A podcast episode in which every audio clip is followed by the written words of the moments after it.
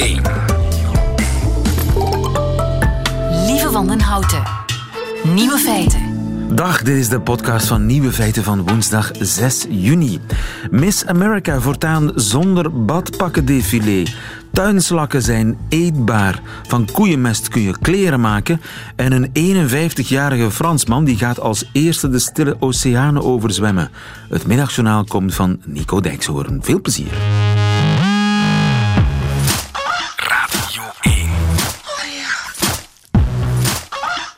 Nieuwe feiten. Weet u al wat u gaat doen de komende zes maanden? Wel, Ben Leconte die weet het. Eh, tot op de minuut. Want Ben Leconte gaat de komende zes maanden zwemmen. Acht uur per dag in woelig zout water. Want Ben Leconte is een eh, Fransman van 51.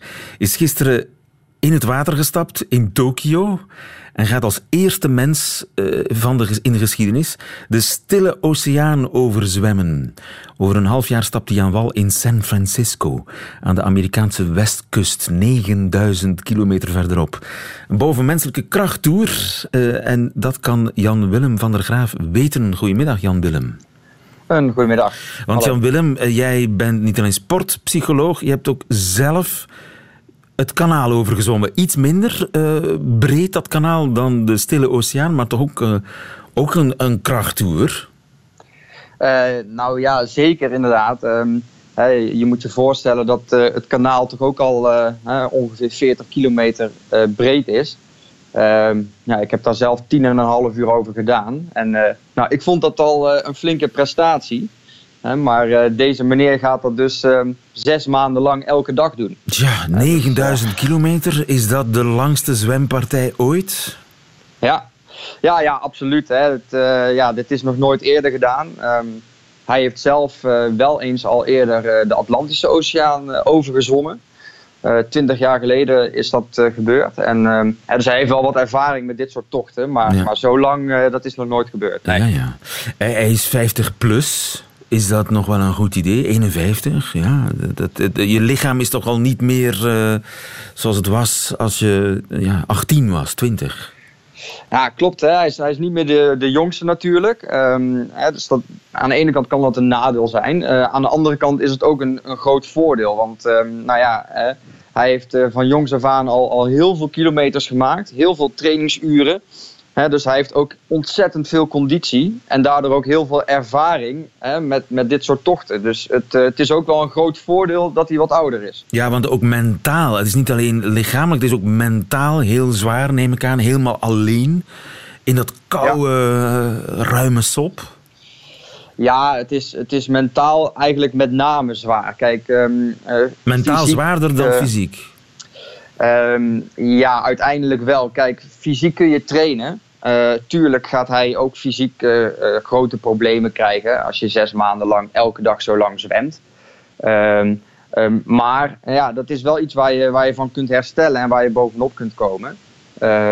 mentaal is toch wel wat anders. Kijk, als je op een gegeven moment ja, in een negatieve flow terechtkomt en jezelf echt aan het doemdenken bent ja, dan, dan kom je er mentaal niet meer uit. En uiteindelijk ja, is, is het toch het mentale wat de doorslag geeft of jij wel of niet doorgaat. Ja, want uh, je hebt zelf dat ook al enigszins gevoeld, zelfs op die ene dag doorzwemmen? Ja, ja klopt helemaal. Uh, ik was zelf um, ja, erg goed getraind. Fysiek was ik er helemaal klaar voor. Um, maar ook ik heb in die tien uur, um, ja, ongeveer op de helft na vijf uur, uh, toch wel een mentale inzinking gehad. Um, en dat had het met mij, bij mij met name mee te maken uh, dat ik het ontzettend koud had. Ja. Um, nou, het water was 16 graden en Shit, nou, het zal ongeveer vergelijkbaar zijn met, met ja, waarin deze meneer, meneer gaat zwemmen. Um, ja, en, en voor een normaal persoon is een uur in 16 graden al ja, redelijk gevaarlijk. Dan kun je onderkoeld raken. laat staan als je er 10 uur in ligt, hè, dan ja, is het wel zaak om jezelf warm te kunnen houden. En uh, nou ja, ik was na vijf uur dusdanig koud, uh, waardoor ik ook verkrampingen kreeg in mijn spieren. Ja, en, en dan is het wel moeilijk om, om jezelf er toch toe te blijven zetten om uh, elke keer weer arm voor arm die slagen te maken en ja, um, het doel voor ogen te houden. Ja, en dat zes maanden aan een stuk zeg. Jeetje, dan moet je van beton zijn. Nu, hoe moet dat met eten? Ja, uh, dat is best wel een, een belangrijk punt. Kijk, bij mij was het één dag. Dus ik kon mij van tevoren erg vol eten, zodat ik genoeg koolhydraten over had. En ehm, na die race van 10 uur kon ik dat ook weer meteen bijvullen. Ehm, nou, en tussentijds eet je ook elk half uur Ehm, maar zijn dat ja, uh, vloeibare voedingspakketjes. En hoe, uh, kom, hoe komen die bij je mond terecht? Ja, steek je die in je zwembroek? Nee, toch? Uh, nee, die krijg je vanuit de boot aangereikt met een lange stok. Hè, zodat je er makkelijk bij kunt. Ehm, en dat zal elk half uur ongeveer zijn dat, dat je zo'n zo'n jelletje pakt. Hè, Die we ook wel kennen uit bijvoorbeeld het wielrennen, waar ze wel eens worden gebruikt. Ja. Ehm, hè, snelle, snelle suikers.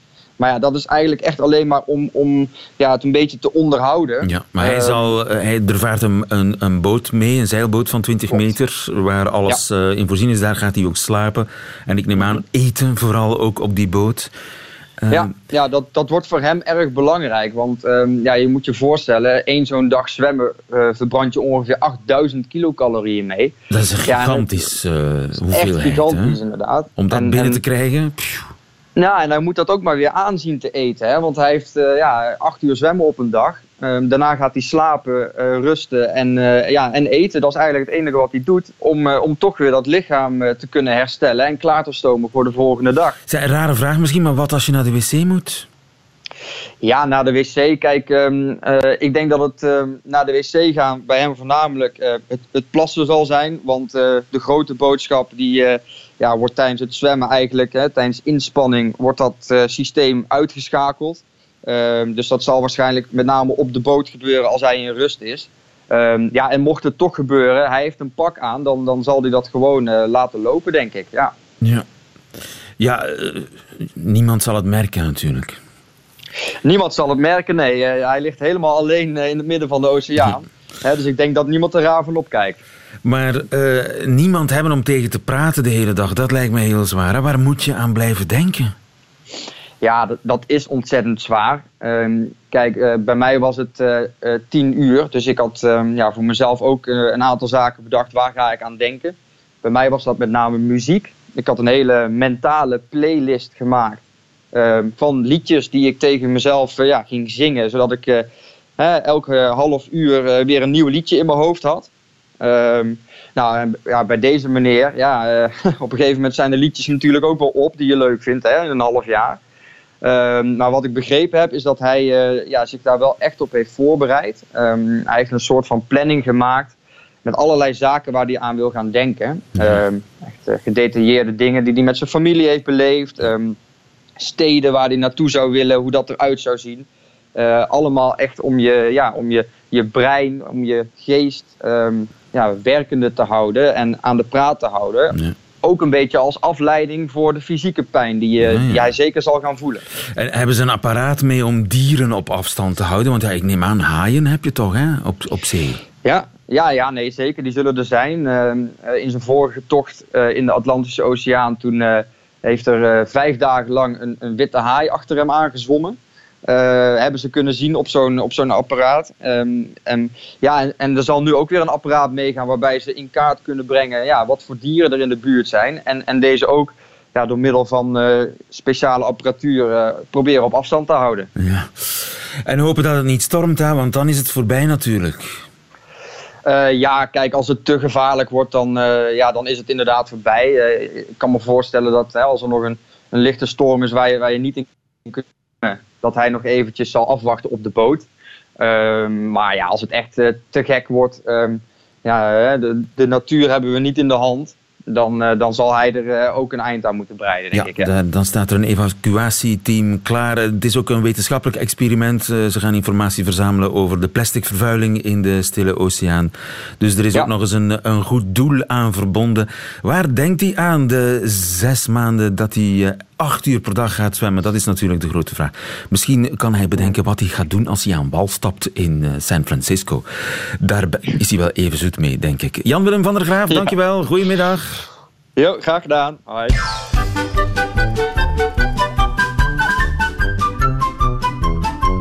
Nieuwe feiten. Mensen, het is gebeurd. Miss America schrapt het, bakt, het badpakken-défilé. Ik kan er nauwelijks nog van praten. Darlene de Vos, goedemiddag. Goedemiddag. Darlene de Vos, jij organiseert Miss België. Heb je enig Ja. idee waarom eh, je collega Gretchen Carlson eh, het badpakken-défilé afschaft bij de Amerikaanse Miss America-verkiezing? Ja, het is sowieso, sowieso ehm, zo dat mensen soms denken van een misverkiezing, dat is een vleeskeuring. En eh, ik weet dat Miss World het eh, een aantal jaren geleden afgeschaft heeft. Miss America die doet mee aan Miss World, dus die volgen waarschijnlijk ook eh, de grote verkiezing op.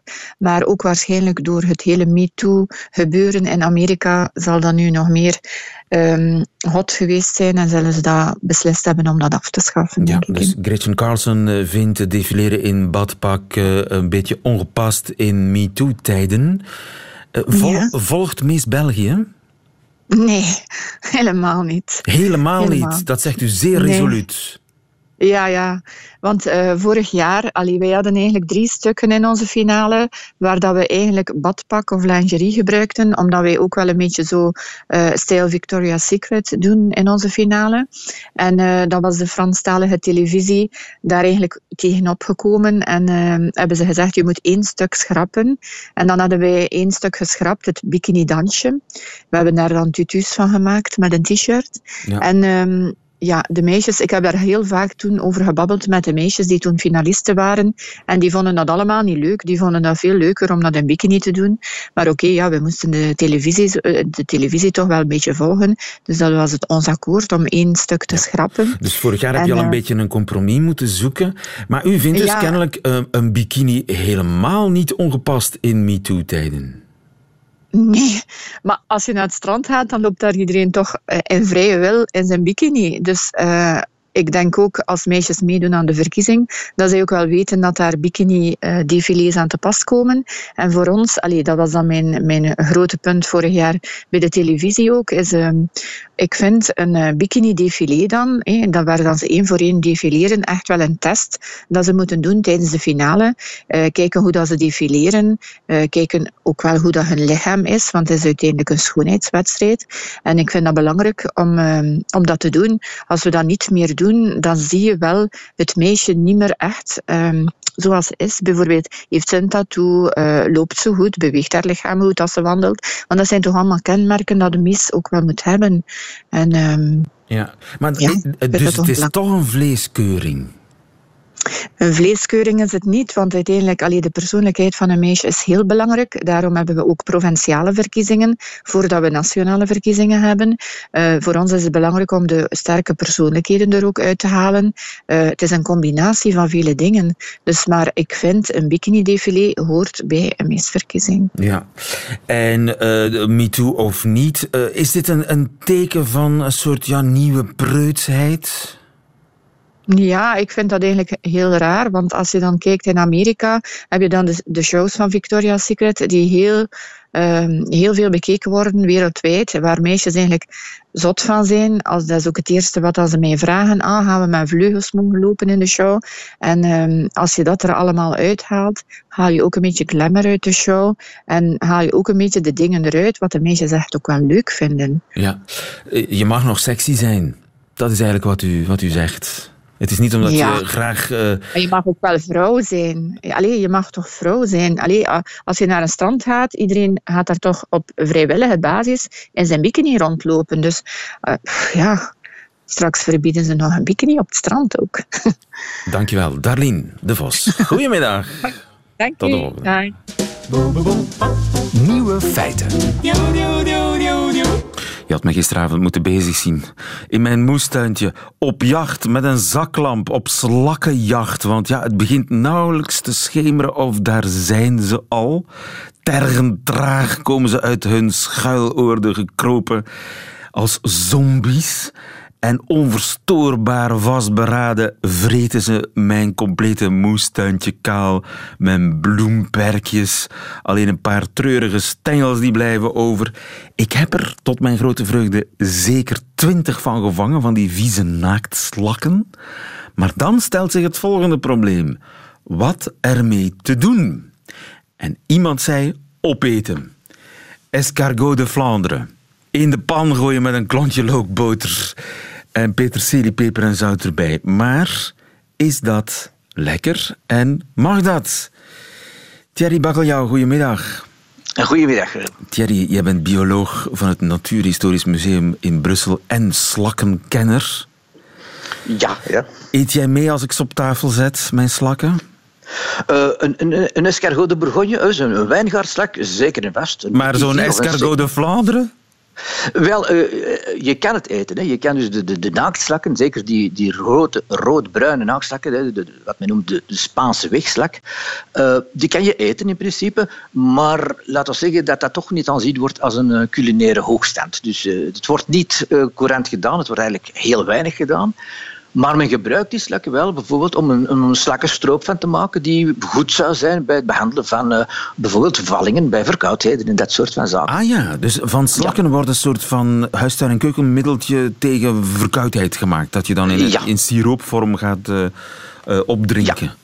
Ja. Maar in principe is er weinig verschil tussen de escargot de Bourgogne die ik als voorgerecht in het restaurant opgediend krijg en die vieze naaktslak in mijn tuin. Ja, in principe, eh, zeker vanuit het, het, zou ik zeggen, het, culinaire gedeelte, is er weinig verschil. En heeft dus de naakstok heeft dus geen huisje en de escargot de Bourgogne wel. Uh, maar natuurlijk is er natuurlijk het, visueel gegeven. Hè. Het ziet er niet smakelijk uit, zo'n zo naaktslak. Uh, en ook is natuurlijk de smaak gaat wel kunnen verschillen. Dus niet alle slakken, niet alle escargots hebben dezelfde smaak. Er zijn smaakverschillen, er zijn prijsverschillen. Uh, en bij mijn weten zijn er toch nergens ter wereld waar men op een, uh, op een regelmatige basis slakken aanbiedt als, als voorgerecht, zoals men dat bij verschillende escargots wel doet. Ja, ja. Maar die escargots uit de supermarkt die hebben geen voelsprieten meer. Hè? Zijn die er dan afgeknipt? Ja, hetgeen wat je dus in de, in de supermarkt koopt, dat zijn eigenlijk dus de, de, vooral de voetspier uh, van de escargot die je krijgt en die dus in het schelpje wordt. Dus wat men doet, men verwijdert eerst het dier uit de schelp, men snijdt dan belangrijke delen van het lichaam weg, onder andere de maag en de darmgedeelte enzovoort, die snijdt men weg. En dan de rest, dus het spoor, merendeel zijn dat spierweefsels, steekt men terug in de schelp. Ah ja, dus als ik mijn naaktslak zou willen opeten, zou ik dat ook moeten doen?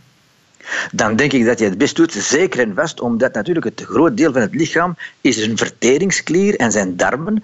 Uh, niet en uiteraard, nee, dat zou ik zeker en vast niet opweten. Nee. Ja, dus, dus dan, uh, nu is het ook zo dat het dus bij het, het, prepareren van die slakken, dat men daar dus ook, dat is ook een hele handel, hè, er bestaat een, een commercie in. Uh, en daar, ja, daar gebeuren ook fraudes in. Hè, dat men dus uh, de duurdere uh, escargots uh, vervangt door goedkoper. Hè, en dat men dus eigenlijk dus, iets koopt dat men denkt, ik koop escargot de Bourgogne. Maar eigenlijk is het vlees dat erin zit van een andere slak. En niet van dus de duurdere escargot de Bourgogne. Maar niemand die het verschil proeft, want je proeft eigenlijk vooral lookboter, hè? Ja ik, ik, ja, ik denk wel dat mensen die de, de kenners zullen dat verschil wel proeven, denk ik. Maar natuurlijk voor de, de, de modale... Uh, zo koper, ja, die gaat dat waarschijnlijk niet merken. Hè. Die gaat dat niet, niet, maar gaat wel gewoon meer betalen voor een in principe goedkoper product. Ja, maar in theorie ligt mijn avondeten gewoon in mijn tuin voor het oprapen. Absoluut, je kan het dus doen, maar je zou dus wel moeten opletten. De slakken, als je ze opeet, zeker en vast eerst altijd uh, een tijd levend laten, zodat ze dus al hun ik zal zeggen, afvalstoffen hebben uitgescheiden. Hè, dus dat hun darmen leeg zijn, dat er ah, geen ja. resten meer zitten. En moet je dan, in, een, in een bakje, een bakje met, met... Gewoon in een bakje, met, ja, gewoon zonder met wat papier eventueel. Hè. En als Ja. het, uh, van het moment dat dus hun, hun uitwerpselen wit zijn van het papier, dan weet je dat de darm leeg is. En dan natuurlijk, als je ze klaarmaakt, zeker en vast ook de ingewanden allemaal verwijderen, zodat je alleen maar het spierweefsel overhoudt. Hè. En altijd ook de slakken goed koken of bakken. Dus zeker en vast niet rauw op. Niet rauw, nee, nee, dat was ik nee, ook niet van plan, Thierry. Was ik ook niet van plan. Maar als ik ze bak met een, een klontje lookboter, ja, misschien, misschien is het lekker, wie weet. Ja, absoluut. Het is, eh, misschien wordt er een trendsetter bij. Hè? Ik ga er nog eens over nadenken. Als ik zover ben, ik nodig je uit, Thierry Bakkeljauw. Ja, met plezier. Dankjewel, goedemiddag. Goedemiddag. Ja.